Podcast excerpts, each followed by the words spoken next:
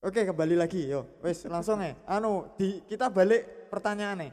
Eh, Ya. kita balik bukan kita balik pertanyaan, tapi kita balik konsep dari awalnya saya yang tanya terus ganti. Oh iya. Eh, karena saya rasa yo dari tadi Anda terlalu banyak mencurahkan eh, anu apa? eh isi hati Anda di podcast ini. Jadi Oke, kita oke, sekarang oke. mungkin ya kalau ada yang ditanya mungkin ada nggak yang ditanyakan soal mungkin atau tanya atau mungkin anda punya sesuatu yang bisa kita obrolkan di Aku mau tanya ya eh, yo boleh boleh tanya ke tanya kamu ya. Mm-mm, mm-mm. tapi Sama- berhubung tetap dalam konteks Apa? itu loh ya eh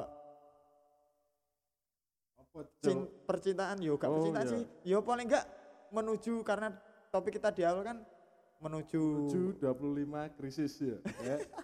krisis untuk menjalin Aku- sebuah hubungan nikah Aku mau tanya. Mm, heeh. Ente kan sekarang punya bisnis ya? Yoi, yo- bisnis kecil-kecilan ya. Ya, ya, Ah. ya, ya, yang kita tahu antar antar temen yang Heeh. yang kamu lakukan sekarang Yo. itu niatnya niat untuk memperbaiki perekonomianmu apa cara perkecewek pertanyaanku jangan tersinggung tapi ya Enggak. Oke. Pertanyaan eh pertama bisnis Gini, potong, gini, gini, potong, gini, gini. potong rambut. cara Yang dimaksud. maksudku cara per ke perempuan tuh maksudnya eh, apakah itu sebagai nilai tambah kalau kamu ditanya mas punya apa mau nikahin saya nggak nggak ada pikiran gitu nggak Awal, awal mula. Awal mula tidak, awal mula enggak. Jadi gimana, awal gimana? mula saya eh, terjun ke maksudnya bisnis potong Heeh. rambut barber. Itu Heeh. awalnya memang dari eh, channel untuk menimbun brewok. Jadi saya Oh, iya, dulu, iya, jadi iya. saya dulu punya masalah dalam brewok. Eh, bukan kumis ya, kali kalau kumis saya sudah punya, tapi Oke. cuma untuk brewok karena satpam bangsat satu itu ya saya jangan sebut namanya Akung, Iya. ya toh?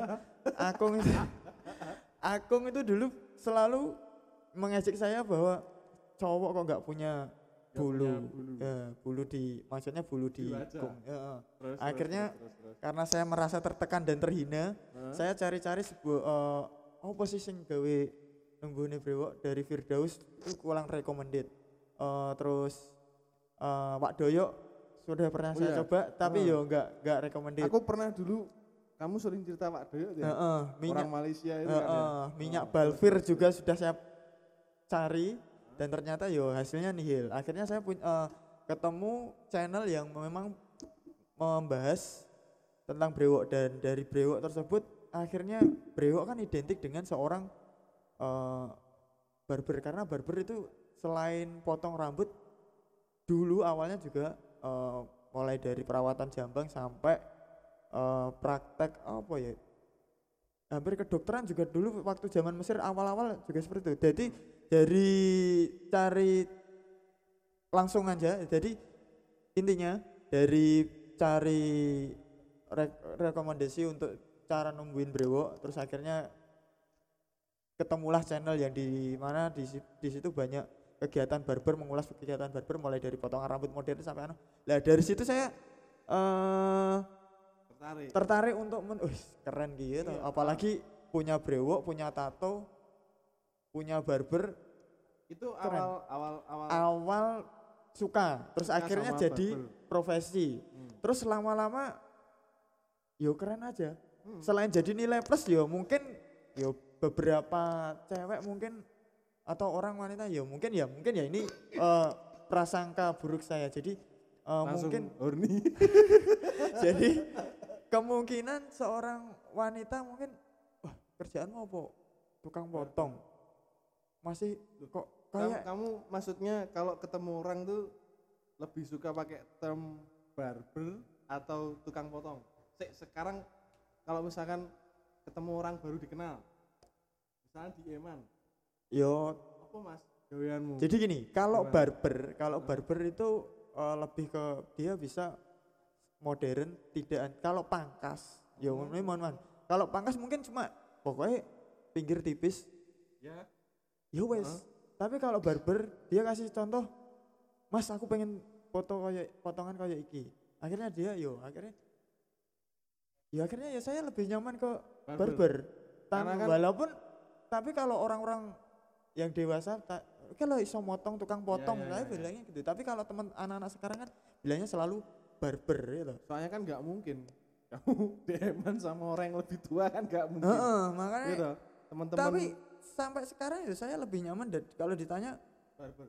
Iya heeh. jadi kerjaannya apa mas? Barber. Tapi yang inti pekerjaan saya sebagai karyawan TU honorer ya saya nggak tunjukkan. Karena saya lebih budak setan.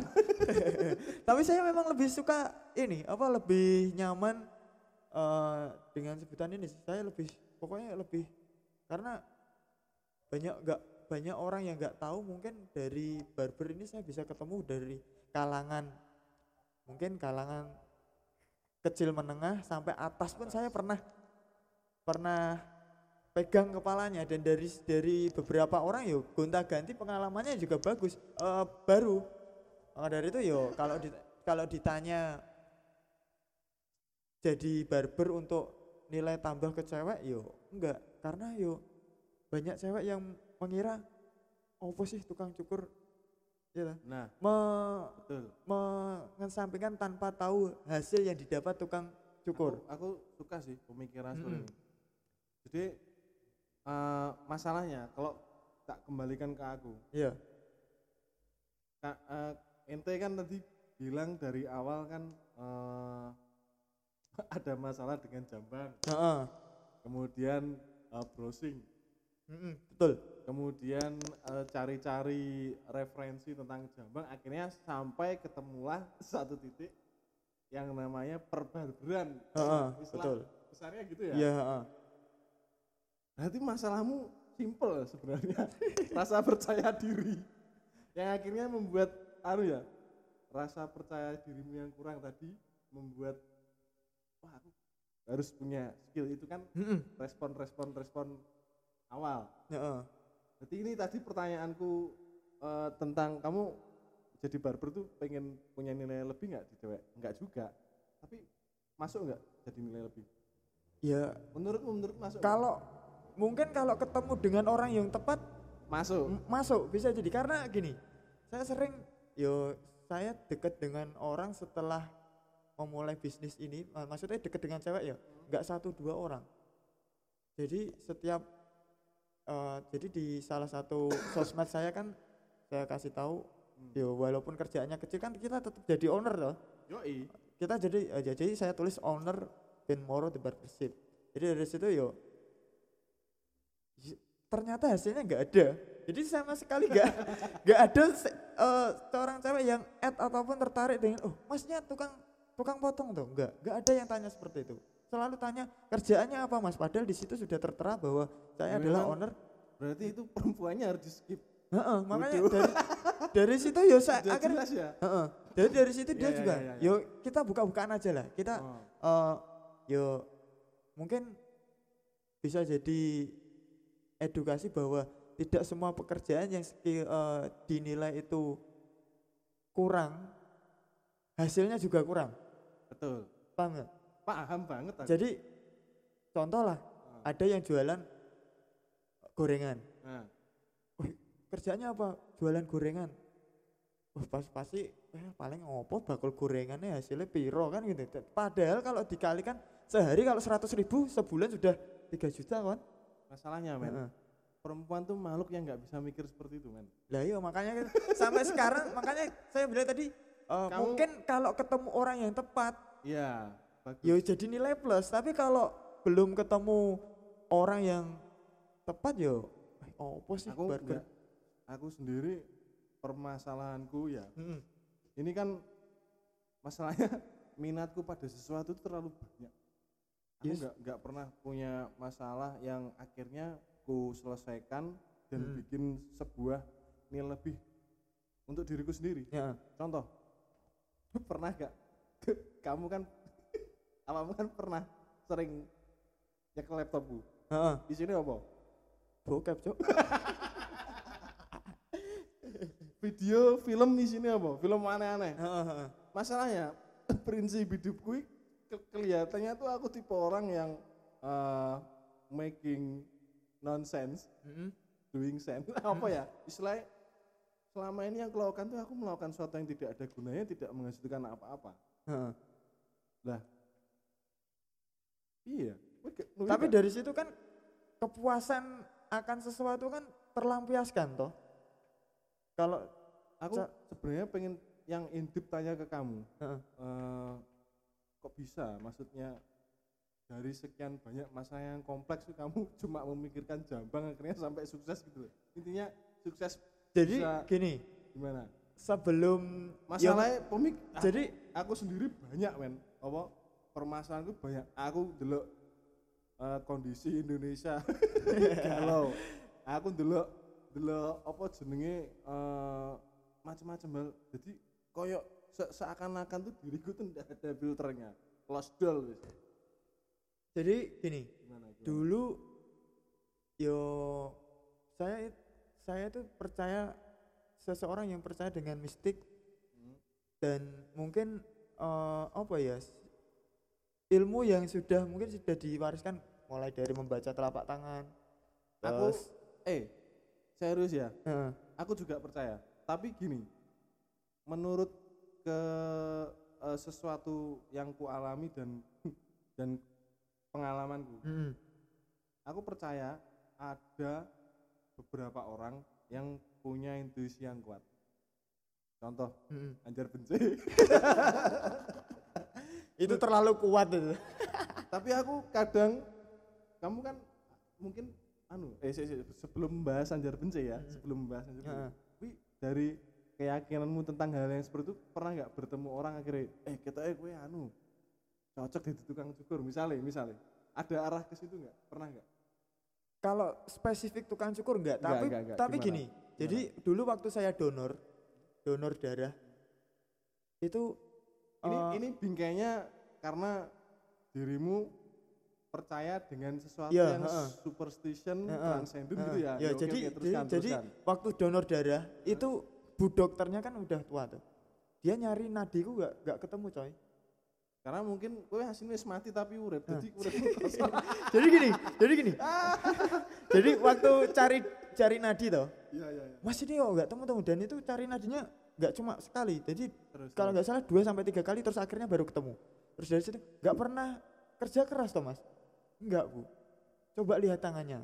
Oh yo bener mas. Tangannya sampean yo yo nggak dibilang seperti cewek tapi nggak kokoh seperti cowok. Maksudnya kan ada yang tipikal laki-laki yang punya tangan yo kekar terus kekar ya kekar. maaf ya pendek terus besar-besar. Iya, iya. jadi kata ibunya kalau tangannya seperti itu biasanya orangnya suka pada kerja keras mas. Bekerja keras dalam iya, artian tanganku dia jalan gini hmm, ini loh ini. Eh Hmm. iki Heeh. sing kiwa sing kiwa. Oh iya, Oke, enak gak? Ya enak. ya wis bakatmu ning kono. Orang terbukti coy, Oh, wis e. terbukti wis ya, terbukti. ojo takokne, iki iki wis terbukti soalnya. Jadi gini, jadi dari dari bu dokter itu yang bilang waktu donor kayak yuk kerjamu apa? Anu bu, saya dulu kan admin SPBU ya, jadi eh SPBU. oh tak kirain sorry sorry Mm-mm. ini fakta baru ya Heeh. tak kirain kamu dulu yang tukang Bukan, bukan, Bukan bukan, ya? bukan, bukan. Oh, bukan. Ya, Jadi dulu jadi ditanya, "Lu kerjanya apa Mas SPBU?" ngecor. Kan ngecor ya Mas. Enggak, Bu, saya di di kantornya saya yang pakai seragam hitam. Enggak pernah anu berarti enggak pernah kerja. Ya pernah tapi cuma bantu tok, tapi kesehariannya enggak. Oh, ya pantas Mas. Terus sebelum-sebelumnya kerjanya ya cuma marketing. Terus pernah kerja kasar sekali itu pun cuma jadi pekerja lapangan sih, enggak enggak sampai angkat-angkat makanya oh enggak cocok Mas Mandra. Terus dari situ ya yang pekerja keras kan balik lagi yang kerja keras. Jadi orang yang tangannya ya ini bisa dibuktikan apa enggak ya?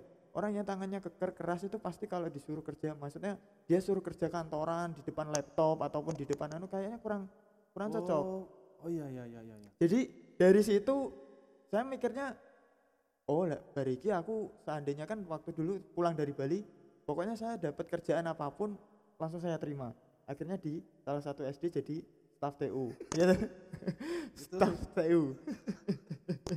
lah dari situ akhirnya yuk oh saya tahu oh yus memang cocok saya kaitannya dengan komputer pengolahan data ya mungkin ya nggak nggak sampai keras ya sampai angkat-angkat lah dari situ akhirnya lihat video jambang terus tertarik dengan dunia barber ya saya oh Terus kamu kembalikan ke tangan kamu. Heeh, jadi barber kan kaitannya dengan seni. Ya saya saya walaupun seni saya nggak terlalu tinggi tapi saya suka seni mulai dari gambar eh anu saya suka. Jadi ya wis mungkin tanganku memang cocoknya untuk seni ya itu seni potong rambut. Dan Jadi- akhirnya ya sampai sekarang memang jadi ke Jadi dari- rutinitas. Dari apa? Pengalaman pengalaman tadi ya. Mm-mm. Maksudnya ada inspirasi nih. Dari orang luar ya. Iya, Bilang, "Mas, kamu seperti ini ini ini." ini." Berarti dari situ terus eh kamu sampean Mm-mm. awakmu gaduk-gaduk nih. Heeh, akhirnya ya saya cari-cari akhirnya Tapi akhirnya bisa ya? ya bisa. Dan Karena- akhirnya terbukti. Ya berarti gini, intinya Heeh, kan gak mungkin ya. Basicmu kan sepak bola, heeh, betul. terus musik ya. Heeh. Kemudian aku juga sempat terkejut ya. Waktu cerita kan pernah kan, aku mau les barber. Betul. heeh. Saya pikirnya, wah gak nyambung. Dan itu banyak yang meragukan. loh. aku nggak ragu sih, Ya, karena orang dalam bingkai kemiskinan nggak mungkin ada yang mustahil. Karena dulu di, di, di, di awal itu, "Dah, umurmu ber, waktu aku pengen belajar barber sih, umurmu piro? Saya kalau nggak salah dua, du- 2018 berarti sekitar 26. 26, wah itu terlambat cok. Tapi dilihat dari apa namanya, berarti aku mem- membacanya gini. Ini aku loh ya, Heeh. membacanya eh kamu me- menangkap peluang, Ya, kemudian kamu mendapatkan keyakinan. Keyakinannya dari mana? Dari intuisi si betul dari sesuatu yang Jadi mungkin saran ya yang Heeh. nggak punya bakat, terutama saya. Jadi eh, sering-seringlah ngobrol dengan orang yang menurutmu intuisinya kuat. Mungkin ada satu keyakinan di situ, gitu. Mm, Kemudian eh, kau- anda atau siapa pun anda melihat peluang, ya, mm, anda pengen pasti bisa. Ini contohnya. Contohnya sekolah kan juga di multimedia, betul. hubungannya dengan desain Mm, mm. desain kaos. Bahkan saya dan beberapa teman kita kan sempat terlibat project fotografi juga. ya. Bener, Ini nggak ada hubungannya men sama sama si barber. barber ya. Tapi malah itu menjadi sekarang tambatan hidupmu. Mm, Jadi sekarang ya aku sorry kalau kalau tanya mm. itu daya tarik ke cewek. Ya itu terlalu tinggi men kalau itu jadikan daya tarik ke cewek. Tapi banyak cewek yang mungkin itu itu menurutku eh, sesuatu yang yang yang terlalu mahal untuk dipertaruhkan. karena gini, Gimana? yo yo mungkin ini kan wajar-wajar saja ya cewek lihat bahwa ah, apa sih barber paling yo ngono-ngono tok. Sekarang ada nggak? eh, ini pertanyaan kanak-kanak ya. Mm-mm. Orang yang yang mem- memandangmu, misalkan dulu sebelum eh, punya bisnis ini, Mm-mm. setelah pu- punya bisnis ini, terus dia punya komunikasi jadi lebih enak ke ente. Pernah nggak mengalami seperti itu? Yo banyak Cowok sih, eh? Pasti Cowok. temen cowok cowok yang awalnya cuma kenal-kenal kenal-kenal ya, Eh, terus akhirnya sekali potong jadi ya akhirnya sampai sekarang yo lebih akrab lebih ya? akrab. Jadi Circle-mu lebih banyak Heeh, ya? jadi eh yo kembali lagi tadi. Jadi saya itu tipe tipe orang yang kalau nggak kenal yo masa bodoh. tapi ketika bisnis nggak bisa main seperti itu Iya, cuma saya terapkan pokoknya kalau kita bisa komunikasi intent maksudnya kayak seperti ini, ya Hah? akhirnya baru bisa akrab dan mungkin ketemu berikutnya bisa semakin akrab. Tapi kalau belum apa-apa terus eh weh ini ini ini, ini so asik, ya sopo kowe cok.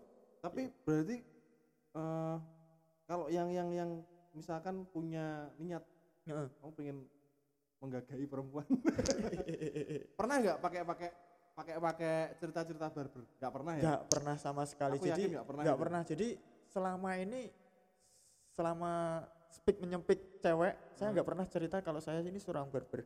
Yes, ngalir. Terus akhirnya dia tanya-tanya, apa "Heeh, kerjanya apa mas? apa?" Kerjanya apa? Saya honorer. Jadi staff TU di SD. Oh ini, ini. terus kalau ada yang tertarik, masa cuma itu tok mas baru? aku juga Bilang, nggak pernah sih maksudku selama aku berkencan dengan Mm-mm. siapa pun Mm-mm, mm. nggak percaya kalau ketika orangnya orangnya mungkin sebelum kenal saya ya saya Hmm. pekerjaannya juga honorer nggak percaya kalau saya itu susah. Serius. Padahal ketika dia beberapa orang yang ku pernah jalan sama aku ketika dia menceritakan orang honorer selain aku Hmm. jangkrik koyo ini ngerokok. Tapi dulu aku gak aku yang gak ngerti saya juga nggak tahu kenapa. Apa mungkin karena eh, apa ya mungkin komunikasiku baik nih langsung ngomong apa sih gitu ya. Mungkin tahu. aja. Cuman kita punya satu solusi lagi solusi jadi kalau mem- me- menja- mau memulai sebuah komunikasi misalkan kamu pengen pengen mulai ngobrol dengan orang yang baru dikenal Hmm, niatmu niatmu ingin PDKT lah Iya. Nggak penting men diri kamu siapa. Yang penting kamu bisa komunikasi nggak sama dia. Bener? Iya, iya bener ya itu. ya kan? Cuma itu dari biasanya dari kita, dari kita ngobrol tentang barber aku nggak menemukan eh sebuah rasa keminderan tentang apa pun yang kamu kerjakan. Bener nggak? Iya bener. dan kamu ketika mau deket sama cewek ya deket aja. Heeh. Jadi saya nggak pernah sa- siapa saya siapa saya Yo pokoknya kalau mau jadi ya saya move on ojo karo kae. enggak eh iki lek move on wes cuma oh iya iya iya iya ya, gimana ya gimana yo yo itulah jadi yo Weh, dulu apa lo ben dhek memandang wajahmu lho.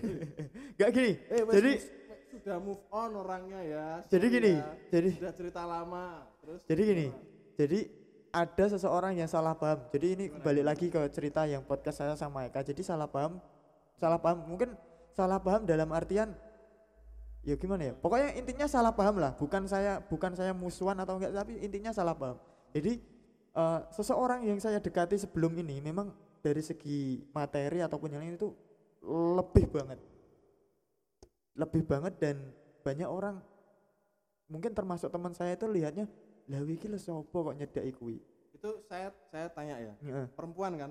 Heeh, tapi nggak usah wis skip ya ta. Ah, Jadi iki sapa kok anu terus akhirnya padahal sebelum dia tahu orangnya ini enak karena enaknya karena apa? Eh, enaknya karena komunikasi bukan karena siapa saya Betul, kerjanya betul, apa. betul, betul. Yo karena yo, kayak tadi kamu bilang cari cewek itu yang cinta karena Ah. cinta itu bisa menumbuhkan komunikasi yang nyambung. Baik, iya toh. Akhirnya yo yo akhirnya itu karena komunikasi akhirnya saya dekat dengan orang yang mungkin lebih eh lebih di atas saya. Jadi mulai dari materi ataupun sa- sekarang nggak usah sama cewek yang sama cowok. Sekarang siapa ya yang ada teman saya yang mungkin sekarang bapaknya itu orang penting lah di salah satu di kabupaten. Dan dia pun juga awalnya yo saya kenal kenal ya cuma kenal kenal langsung. Tapi karena komunikasi yang baik karena saya sering kasih dia potong rambut jasa layanan saya yo akhirnya yo kenal. Bahkan dia sering kali eh potongan ba- bapakku tuh. Tapi saya yang takut. cekelan nih ya. Heeh.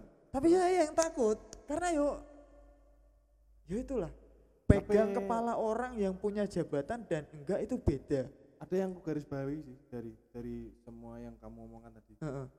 Jadi kita tuh kalau bisa melihat perempuan Hmm. siapa perempuan itu kan pasti anak bapaknya ya. Heeh. Itu punya orang tua ya. iya Di mana pun perempuan itu nggak mungkin yang namanya dia kalau dia punya orang tua yang lengkap, punya orang tua Hmm. yang punya pekerjaan entah itu mapan atau tidak, iya nggak mungkin min perempuan mana pun tuh berdandan biasa-biasa saja. Yang sepengetahuanku sebelum itu anak perempuan keluar dari rumah, entah Mm. itu mau belanja, entah Iya, mau ke mana aja, pasti dia akan pakai baju yang terbaik, Mm-mm. kendaraan ternyaman, Mm-mm. sepatu yang ternyaman, sandal Mm-mm. ternyaman, Mm-mm. jadi kita nggak perlu ya itu memang perempuan kodratnya menjadi yang terbaik di keluarga pasti iya nggak usah dilihat background keluarganya oh dia anaknya orang penting ya? Enggak men. Meskipun dia anaknya orang anaknya orang nggak penting namanya anak perempuan keluar rumah pasti dengan kondisi yang terbaik. Makanya nggak perlu. Minder-minder lek kue Arab ya ngono nggak usah minder ya para Nggak. tenang aja. Tapi selama ini saya nggak sama sekali nggak nggak pernah minderi cuma saya mindernya gini. Jadi orang yang baru kenal saya atau mungkin anu memandang saya oh wih wih siapa tau? Honorer ataupun ah cok motormu kayak gini ah kowe pacaranmu kayak ini kadang sebelum anu akhirnya dari situlah dari dia yang nggak mau ber mungkin nggak welcome sama saya ya akhirnya saya mindernya dari situ. Oh mungkin dia nggak mau temenan sama saya karena mungkin posisi saya seorang honorer ataupun pekerjaannya saya seperti ini dandannya saya seperti ini mungkin saya kur fisik saya seperti ini. Ya jadi yang biasanya jadi minder itu yo itu. Itulah yang dilakukan Doris Tanjung menghina orang-orang sukses. Saya sebenarnya minder juga sih melihat orang yang keadaannya lebih beruntung dari saya. Mm, itu tugas alter ego saya Doris Tanjung. Kamu kalau lihat postingan saya di Twitter Doris Tanjung iya. semua orang susah saya hina. Tapi bener kan? Heeh. kehinaan mereka seperti itu kan ya? Betul. Kenapa? jadi karena saya ya daripada kita minder mending kita bully aja mereka. Mereka juga sering bully kita mm-mm, ya kan? Mm-mm. di dunia nyata ya udah Mm, mm, mm. kita bully aja. Tapi kalau saya ya saya pernah sih bully tapi sekarang cuman karena kalau teman deket jangan ya. Iya heeh, kita ta- kita butuh temen ya. Ya, tapi kalau sekarang saya lebih ke apa? pembuktian sih. Maksudnya gini. Ya seandainya oh mungkin selama ini ada cewek yang menganggap saya kerjanya oh tukang cukur we we." ya saya punya obsesi oh suatu saat saya bisa hidup mapan punya keluarga dan menghidupi keluarga saya dengan hmm, betul. hasil barber jadi itu yang saya Sebenarnya jadi kalau- kalau ditanya gue nggak pengen jadi CPNS pengen nggak? Lo pengen. Beda. ya Pasti pengen, pengen. pasti pengen. Cuma sekarang yang saya prioritaskan yo itu. Jadi karena passion saya sekarang ke lebih ke barber sih. Karena saya menyu- menyukai pekerjaan itu. Dan saya pengen Menurutku- punya apa? usaha yang yang bisa menghidupi dari situ. Jadi seandainya ditanya kamu pengen jadi CPNS atau PNS yo pengen. Tapi nggak pengen. Tapi nggak- ya, nggak terlalu berharap ya kita sadar diri lah ya Heeh, kita sadar diri iya ya kan? karena dari Betul, mungkin betul, betul. dari ijazah gitu ataupun yang yang lain-lain kan yo kita masih belum orang itu menyesal Mm-mm. pernah melakukan sesuatu ke kita kalau kita melupakan dia Mm-mm, mm-mm. ya Dan makanya kita, tuh kita sudah ah ya wis lah karep musak karep karep Heeh. terserah jadi menurutku kalau mungkin kita pernah dalam kondisi terpuruk ini aku terpuruk terus ya aku serius aku aku itu punya eh, siklus lima tahunan naik turun naik turun tapi sudah 10 tahun turun terus. Beruntungnya saya ketemu dengan istri saya punya anak yang lucu ya itu itu penghibur. Cuman eh, sedihnya tuh kalau nggak bisa memberikan yang terbaik.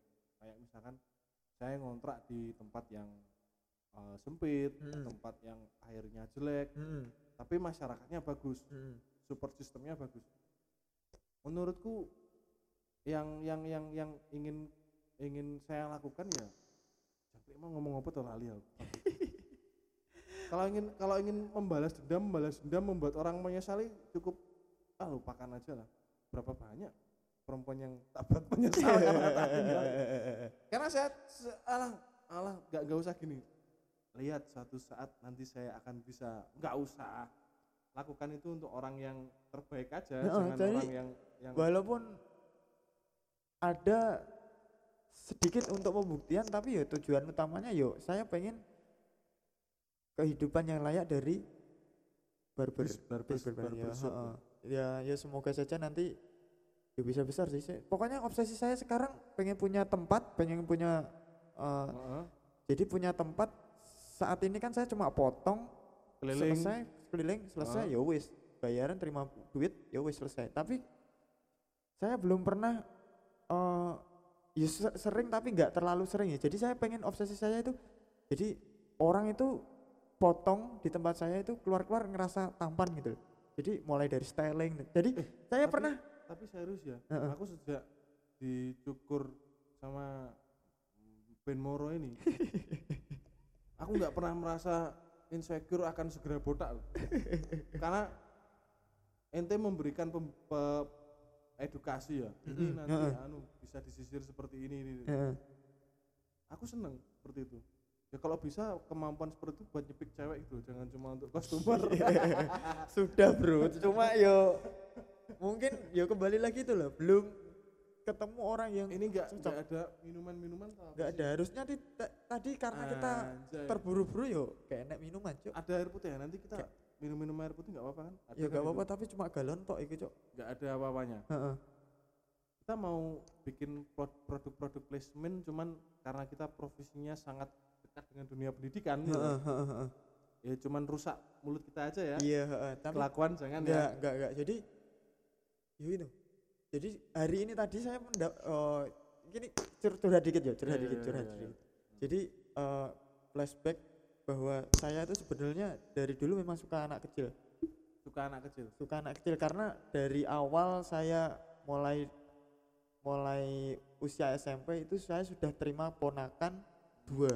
dua Dua terus akhirnya saya mohon maaf ya Heeh. saya skip dulu itu keponakan orang tuanya lengkap gak orang tuanya enggak.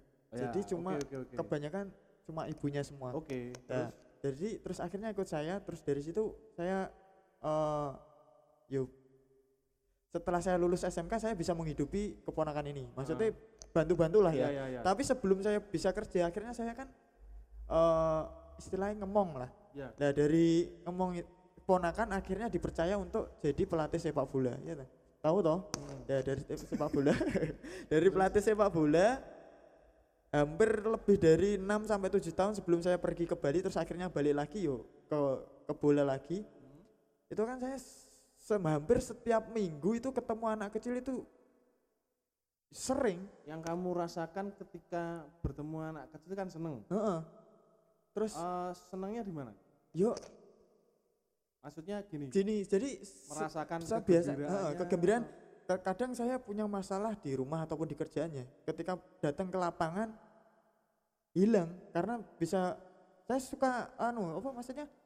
Eh ada semacam apa pelepasan stres gitu. jadi saya sering-sering bercandain atau mungkin ganggu anak-anak supaya supaya diri saya tertawa dan anak-anak itu tertawa. Terus kemudian sekarang pun di sekolah dan SD Hah? kan anak-anak kecil semua. Jadi saya mulai mulai fase eh, anak-anak yang mulai awalnya takut sama saya jadi karena saya brewok takut lihat jadi takut bro. Jadi terus? dia takut terus akhirnya sampai sekarang akhirnya dari takut anak itu malah jadi kepo. Jadi terus balik lagi ke kejadian yang kurang menyenangkan saya jadi ketika saya bikin story karena ini kan sekolah kan hampir 8 Anu ya, bulan nggak nggak masuk nggak ya? masuk Heeh. daring terus ya? Heeh, Nah, terus akhirnya saya ketemu memang sudah saya rancang sih dari rumah. Oh besok waktunya kelas 1 2 saya bakal ketemu si Adonia. Hah? Adonia itu awalnya takut sama saya. Hah. dan akhirnya sekarang dia jadi seperti adik sendiri bro. Jadi dulu awalnya takut terus dia nginceng apa lihat-lihat di TU ada mas itu ya. Jadi panggil saya itu karena belum kenal. Akhirnya saya kasih apa saya datengin terus tiba-tiba pak gendong pak. Pak gendong pak. Nah, dari situ akhirnya dari tadi terus akhirnya saya bikin story kan. Story itu saya story saya baru pegang kamera dia langsung datang nyamperi saya terus mau ambil kamera saya terus anu oh, enggak selfie tapi pokoknya pak jangan gini tuh lalu malu-malu. Terus akhirnya kan dipeluk-peluk terus minta gendong. Terus akhirnya kan saya buat story. Kelas 2 kelas 2 Heeh. terus? Terus banyak bikin story terus akhirnya banyak yang menghujat eh pedofil toh? Apa we Oh, mergo iya, we iya, apa iya, mergo? apa we mergo? Enggak Enggak ah, punya cewek sampai betul betul, betul sampai betul, betul. suka sama anak. Yuk kebetulan itu cewek. Iya, tapi iya, padahal iya. saya itu suka dengan cewek cowok. Cuma yang memang kebetulan yang saya dari rancang oh besok ketemu Adonia. Ya akhirnya oke oke oke. akhirnya saya yus saya baru Karena- pegang kamera kan langsung dia langsung wes heboh sendiri terus ambil kameranya terus akhirnya saya bikin story terus banyak yang ngucap oh we mungkin gak rapi-rapi mergo sik seneng karo cah cilik. padahal enggak bro jadi saya tapi itu tapi gini ya Heeh. aku mau kasih saran ya Heeh. berkomunikasi dengan anak kecil itu kita nggak bisa men kayak gitu men itu Mm-mm. pasti men- menimbulkan stigma iya cuma bisa men heeh, tapi memang Ya, kalau ditanya kalau saya dibilang pedofil ya enggak, enggak karena lah. cara seperti itu saya karena saya saking lamanya mungkin, anu ya circlemu wong goblok-goblok paling ya Heeh. Nah, cuman gini loh kita itu aku akui orang yang kalau tahu anak kecil tuh bukannya malah malah seneng sedih Hmm, hmm. sedihnya Ya, kehidupan tuh nggak enak men ini kecil udah hidup aja nihilis aku tuh Heeh. kita kita harus punya punya filter, Mm-mm. punya punya apa sih namanya benteng. Mm-mm. Awakmu misalnya mendekat dengan anak kecil dengan cara seperti itu ya, Mm-mm. itu salah men menurut. Wah duduk wong tuane lho. oh iya eh tapi saya nggak ini ada cerita yang Ah, gimana gimana? nggak nggak nggak harusnya saya ceritakan di sini jadi sama di awal kamu tadi bilang "Sik, sorry anaknya orang tuanya lengkap enggak Ya, ya yang saya alami anaknya itu tuh yo karena yus itu nggak lengkap. enggak Lah, terus nggak Ah. tahu kenapa dia setiap ketemu saya tuh juga tahu ya pokoknya dia nyaman aja dan saya yo saya sebetulnya yo bukan risih tapi saya juga pernah punya karena punya pandangan wah kok lek aku diarani ngene piye ya ini ini, ini seperti itu. kita kita melenceng dari barber ya, Mm-mm. terus ke sekolah ke Heeh. anak kecil nggak apa-apa. ya ini kan curhat ya Yo, Heeh. gini men. Hubungan tuh rumit men. Mm-mm. eh eh, punya ma- punya niat baik Mm-mm. Terhadap orang yang kondisinya nggak baik itu bisa nggak jadi nggak baik loh. Cek, sekarang kita pakai parameter. Hmm. Si anak tadi kondisinya baik nggak? kondisi dalam Yo tanda tanda kutip misalkan orang tuanya nggak lengkap. Mm-mm. Menurutmu baik nggak?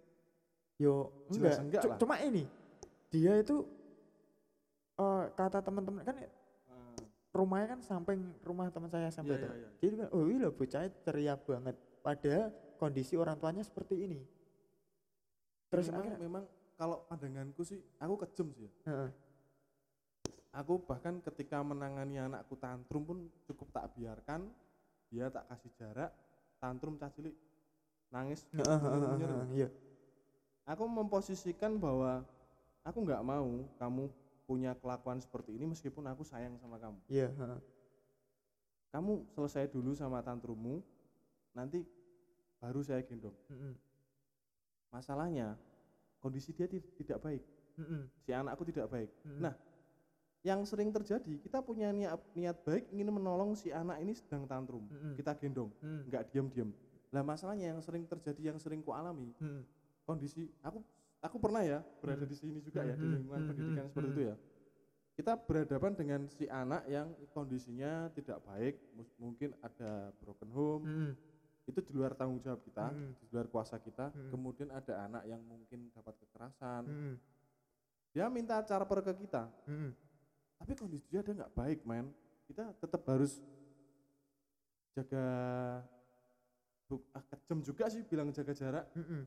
tetapi kita harus memposisikan kondisinya tidak baik men dan kita juga punya keterbatasan untuk memberikan sesuatu yang baik ke kita Mm. menurutku yang yang kamu lakukan yang yang dilakukan tadi. Mm.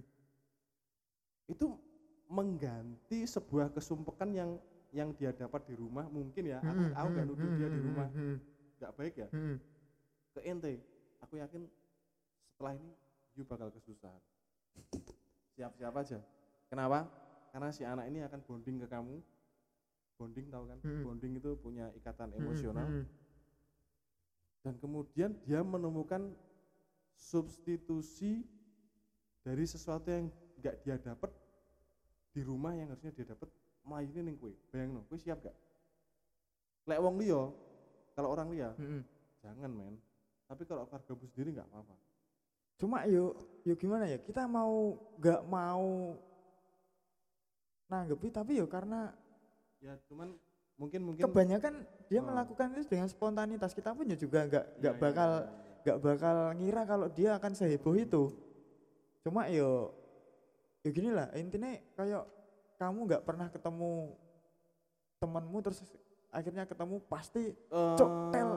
Gasuk oh aku aku aku paham Heeh. mungkin ada satu ikatan emosional kamu dengan kondisi anaknya seperti itu karena kamu juga orang tuanya kan nggak lengkap Heeh, benar Oh, cuma iya, makanya iya, iya, iya. makanya gini eh, sampai sekarang pun saya banyak mungkin Gilang sih. Gilang itu paling eh, paling sering ketemu saya dan dia paling mungkin paling banyak dengar ceritaku bahwa eh adikku gak duwe HP adikku gak duwe dan saya pun mau yo wis akhirnya tabunganku habis yo karena ya karena saya nggak pengen apa yang saya rasakan dulu betul. terjadi di keponakan saya. Karena hidup saya hidup kita juga. udah udah susah cuk. Masa punya keponakan juga diikutin susah kan yo nggak Ya, mungkin ya, kan Iya iya, itu itu tanggung jawabmu juga. Heeh, berarti ponakan. ya, iya, cuman cu- cuman yang yang, yang- orang yang yo heeh, sering bener menstigma Mm-mm. sekali-kali anu deh apa sering-sering ngobrol sama orang jangan sama tembok aja ya. Heeh, heeh. jadi Kita orang yang tahu. biasanya yang seperti itu dia yang punya apa Kecuali apa? Gini gini. Kecuali orang yang mendekat dengan anak itu tidak ada hubungannya dengan dunia pendidikan dikatakan pedofil boleh. Mm-mm, betul Tapi kan heeh. memang karena kerjaan kita dekat dengan anak. Heeh. Tapi itu nanti gini, itu nanti perilaku itu saya yakin perilaku tersebut akan hilang kalau sudah bertambahnya waktu ataupun bertambahnya jenjang kelasnya. Oh. Nggak mungkin kan sampai kelas 6 dia akan minta gendong Ya, kan ya, nggak ya. mungkin, gitu. Cuman Heeh. menurutku di lingkungan sekolah kita menggendong anak itu salah men. Karena dia yo, yo karena dia yo gitu tadi spontan dia Ya oke tiba-tiba oke kalau Heeh. spontan tapi jangan diulangi lagi. oh enggak. Maksudnya sam- dia kan dulu karena dia masih kelas 1 karena Heeh. yo mungkin ya di- Karena gini juga orang tua zaman sekarang tuh punya referensi hukum tuh ngawur. betul, heeh, heeh. Ntar takutnya gini, saya aja yang ngajar SMA, Heeh. saya nggak pernah kok berada di dekat siswa perempuan kecuali ada di depan. Di samping, belakang nggak Mm-mm, pernah. mm-mm, Misalkan saya eh, eh, si anak ada anak ujian nasional ya, mm-mm. contoh komputer dia eh, trouble, Mm. nggak pernah aku. Ya ini duduk ya, Mm-mm. nggak pernah. Pasti dia tak suruh berdiri dulu. Berdiri dulu nak. minggir, iya. Minggir. Saya duduk di situ. Karena apa men? Orang tua zaman sekarang kadang, uh referensi hukumnya ngawur men. Dan referensi tentang apa pun tuh parameternya nggak jelas. Takutnya itu membuat masalah untuk kita sendiri gitu. Yang kedua, jangan sekali-kali aku di mana pun tempatnya menyentuh anak. Takutnya apa? Kita nggak tahu mungkin dia punya luka, ya kan? mm-mm, Patah tulang atau apa. Menurutku, ojo men, ojo ojo sering-sering. Iya, Nah, karena ini saran lah, saran. tapi kan kalau di usia ya kita nggak salahkan nano ya. Mm-mm. Tapi karena dia masih mungkin bawaan di TK atau nano ya. Kalau kalau kelas 1 Betul, tapi betul, kalau betul. kelas 2 3 4. Wong kelas 2 ini aja dia yo spontanitasnya cuma itu tok, nggak sampai Hmm. minta gendong yang lain. Kalau di kelas 1 dulu masih sering, tapi sekarang yo yo enggak. Sama seperti halnya yang kelas 6 dulu sempet jadi karena tahu sendiri kan panggilan saya di sekolah apa? Sekolah Bu Ratna manggil saya Nyomen, bukan toh. Ipin. Heeh. Oh ya, terus Itu terbawa sekarang di anak-anak kelas 6. Jadi dulu karena saya baru, terus kelas 6 itu manggil saya Pin Ipin, Pin Ipin. Gitu, Cuk. Tapi karena terus ketemu lagi sekarang dia sudah di jenjang SMA manggilnya antara Mas, Pak. dari spek ya, udah Mm-mm. tahu. Udah respect. Jadi kan bertambahnya usia respectnya ya nambah. Sampai dulu Niko Guguk Iya, tahu iya, iya. itu keponakannya itu kalau ketemu saya itu kayak musuh jadi si Rara itu sel- selalu gini apa tahu-tahu- yang, yang sering biasanya dijemput orang tuanya sakit Heeh, itu ya? Oh iya. heeh. tahu-tahu wah karena jengkel mungkin sering KSD kan biasa atau psikisnya terus pegang gini Kerawuk-kerawuk. kerawuk lah itu saya sering kali dapat perlakuan itu tapi yo akhirnya SMA setelah dia SMA Mas Pin aku gini gini gini kok. Malah dia yang lebih respect daripada teman-temannya yang kelas 6 itu baik ke saya malah dia yang sekarang respectnya lebih. Jadi ketemu saya malah nyapa ini terus tanya-tanya sering DM sering oh jadi ini akhirnya yo yo itu. Saya mungkin karena Awal. saya tanamnya di awal mungkin yo perasaan yo yo bukan nyaman sih. Tapi paling enggak saya enggak pernah jahat ke dia terus Iya, iya. akhirnya imbal baliknya bertambahnya waktu yo gitu. Cuman aku tuh juga pernah mengalami stigma ketika Mm-mm. mengajar di SD itu Mm-mm. orang tua itu setelah beberapa tahun bilang, Pak dulu sampean kok galak sama anak saya. Mm-mm. Ya saya jawab, masalahnya ketika belajar di SD itu, di SD, Mm-mm. anak kan sedang nakal-nakalnya ya. iya betul Kadang pengawasan tuh kurang. Mm-mm. Kadang si anak di rumah diem, Mm-mm. di sekolah brutal. ya Aku paling tidak bisa membiarkan anak itu yang keselamatan fisiknya terancam. Itu pasti aku rewel. heeh. Dulu selama ngajar SD. Yang kedua, selain keselamatan, aku paling nggak bisa men melihat melihat anak itu melakukan sesuatu kayak apa sih impulsif impulsif tuh gini kayak yang yang tak ceritakan anakku tantrum Mm. Gimana gimana? Gimana cara cara mengatasinya? Ya harus dikasih. Bukan agresivitas apa? Kayak perintah stop kamu harus diem. Mungkin kalau orang tua yang nggak nggak ngerti cara-cara eh, menangani hal seperti itu kaget.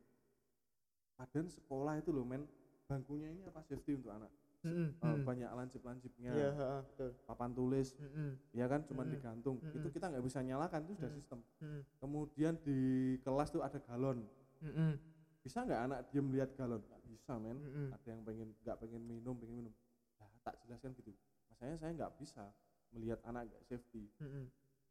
safety saya pasti diem nah itu dan saya juga aku juga jarang melakukan kontak fisik dengan anak juga karena safety kenapa karena badan saya terlalu besar anak terlalu kecil Mm, mm. mungkin cara menggenggam tangan saya terlalu Mm-mm. keras Mm-mm. atau apa jadi apalagi orang tua sekarang ya nggak nyalakan juga informasi terlalu banyak Mm, mm.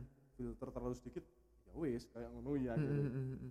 tapi menurutku jangan men kalau misalkan kamu gendong anak di sekolah kecuali urgent Mm, mm, kebiuan mm, apa mm, ya mm, mm. ataupun jatuh oke punya bonding emosional seperti itu tapi you harus punya batasan aku nih guru kerja Mm-mm, cop- tapi yo gak gak semua saya lakukan seperti itu. betul betul Cuma yo yo tadi tadi aja eh, mungkin yo karena kita senasib Mhm. akhirnya yo chemistry itu yo terjalin dengan sendirinya. cuman aku salut aja Eh, aku selalu melihat melihat si siapa sih Dava Mm-mm, mm-mm.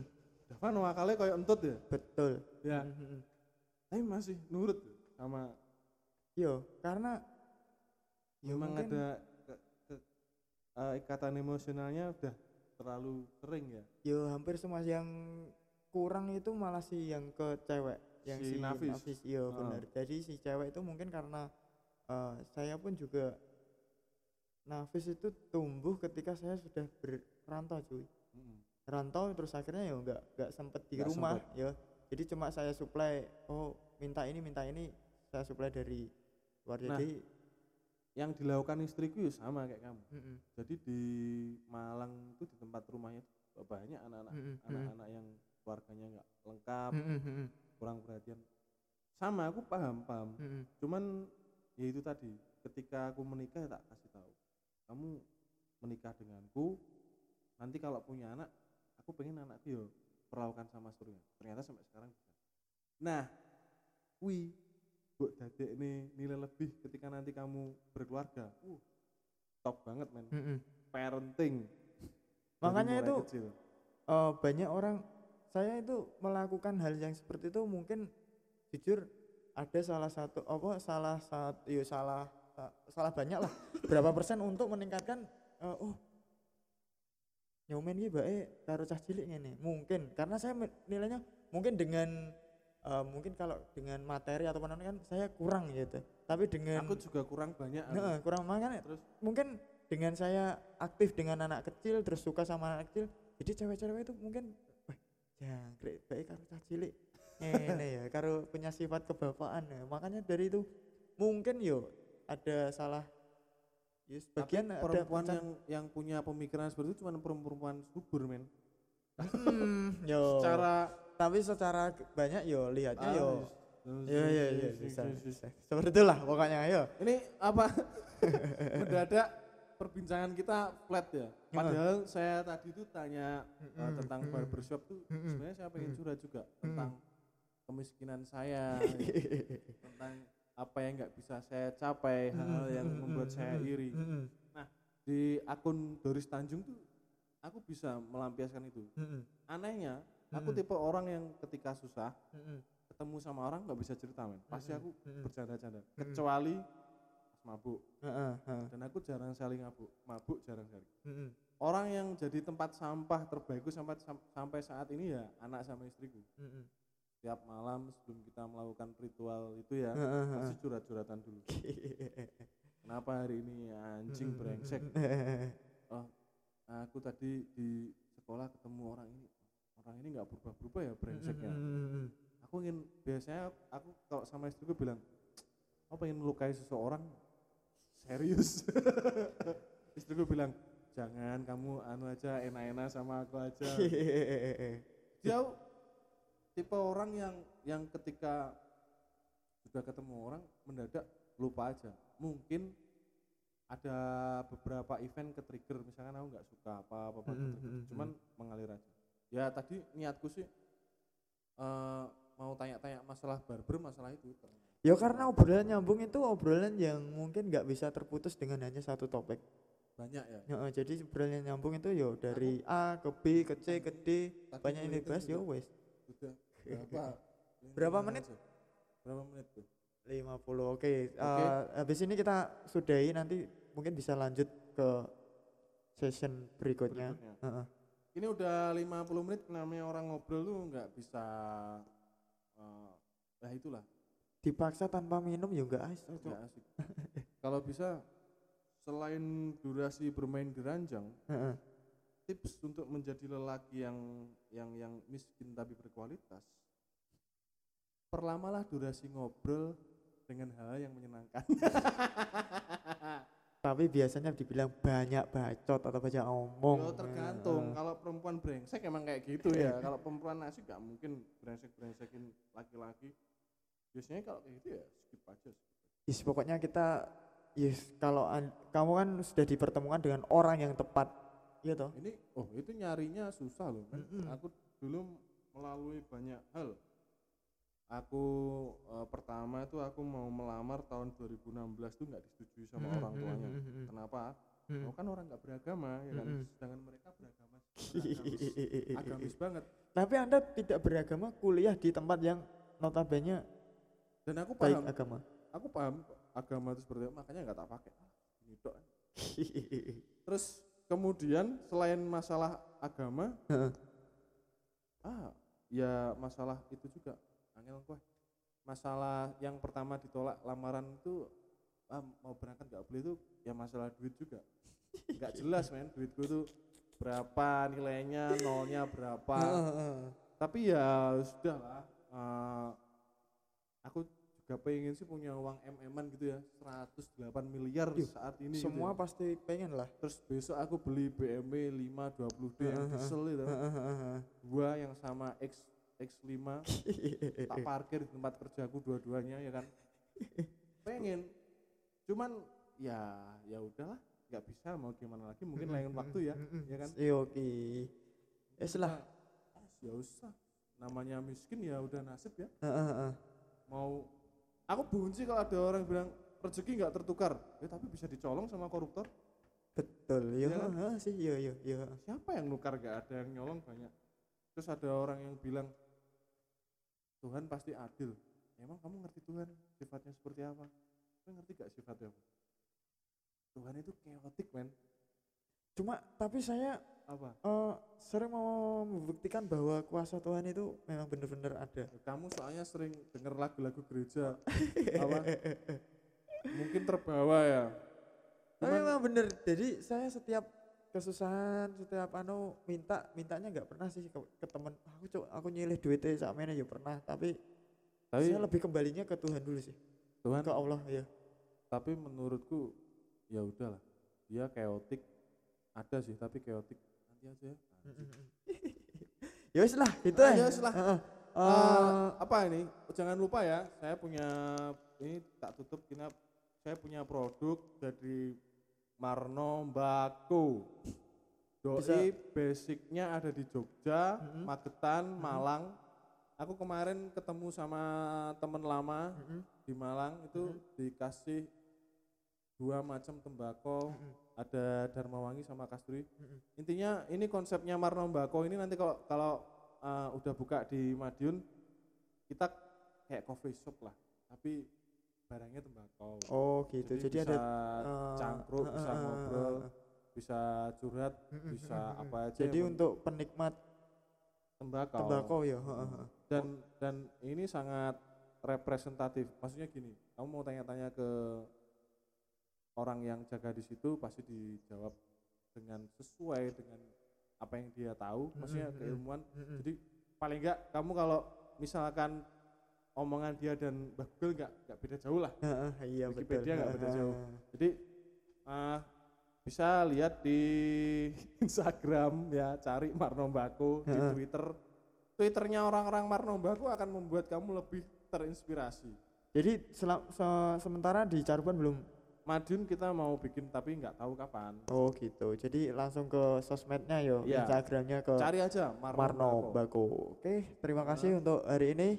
Ketemu lagi di di kesempatan, kesempatan berikutnya. berikutnya.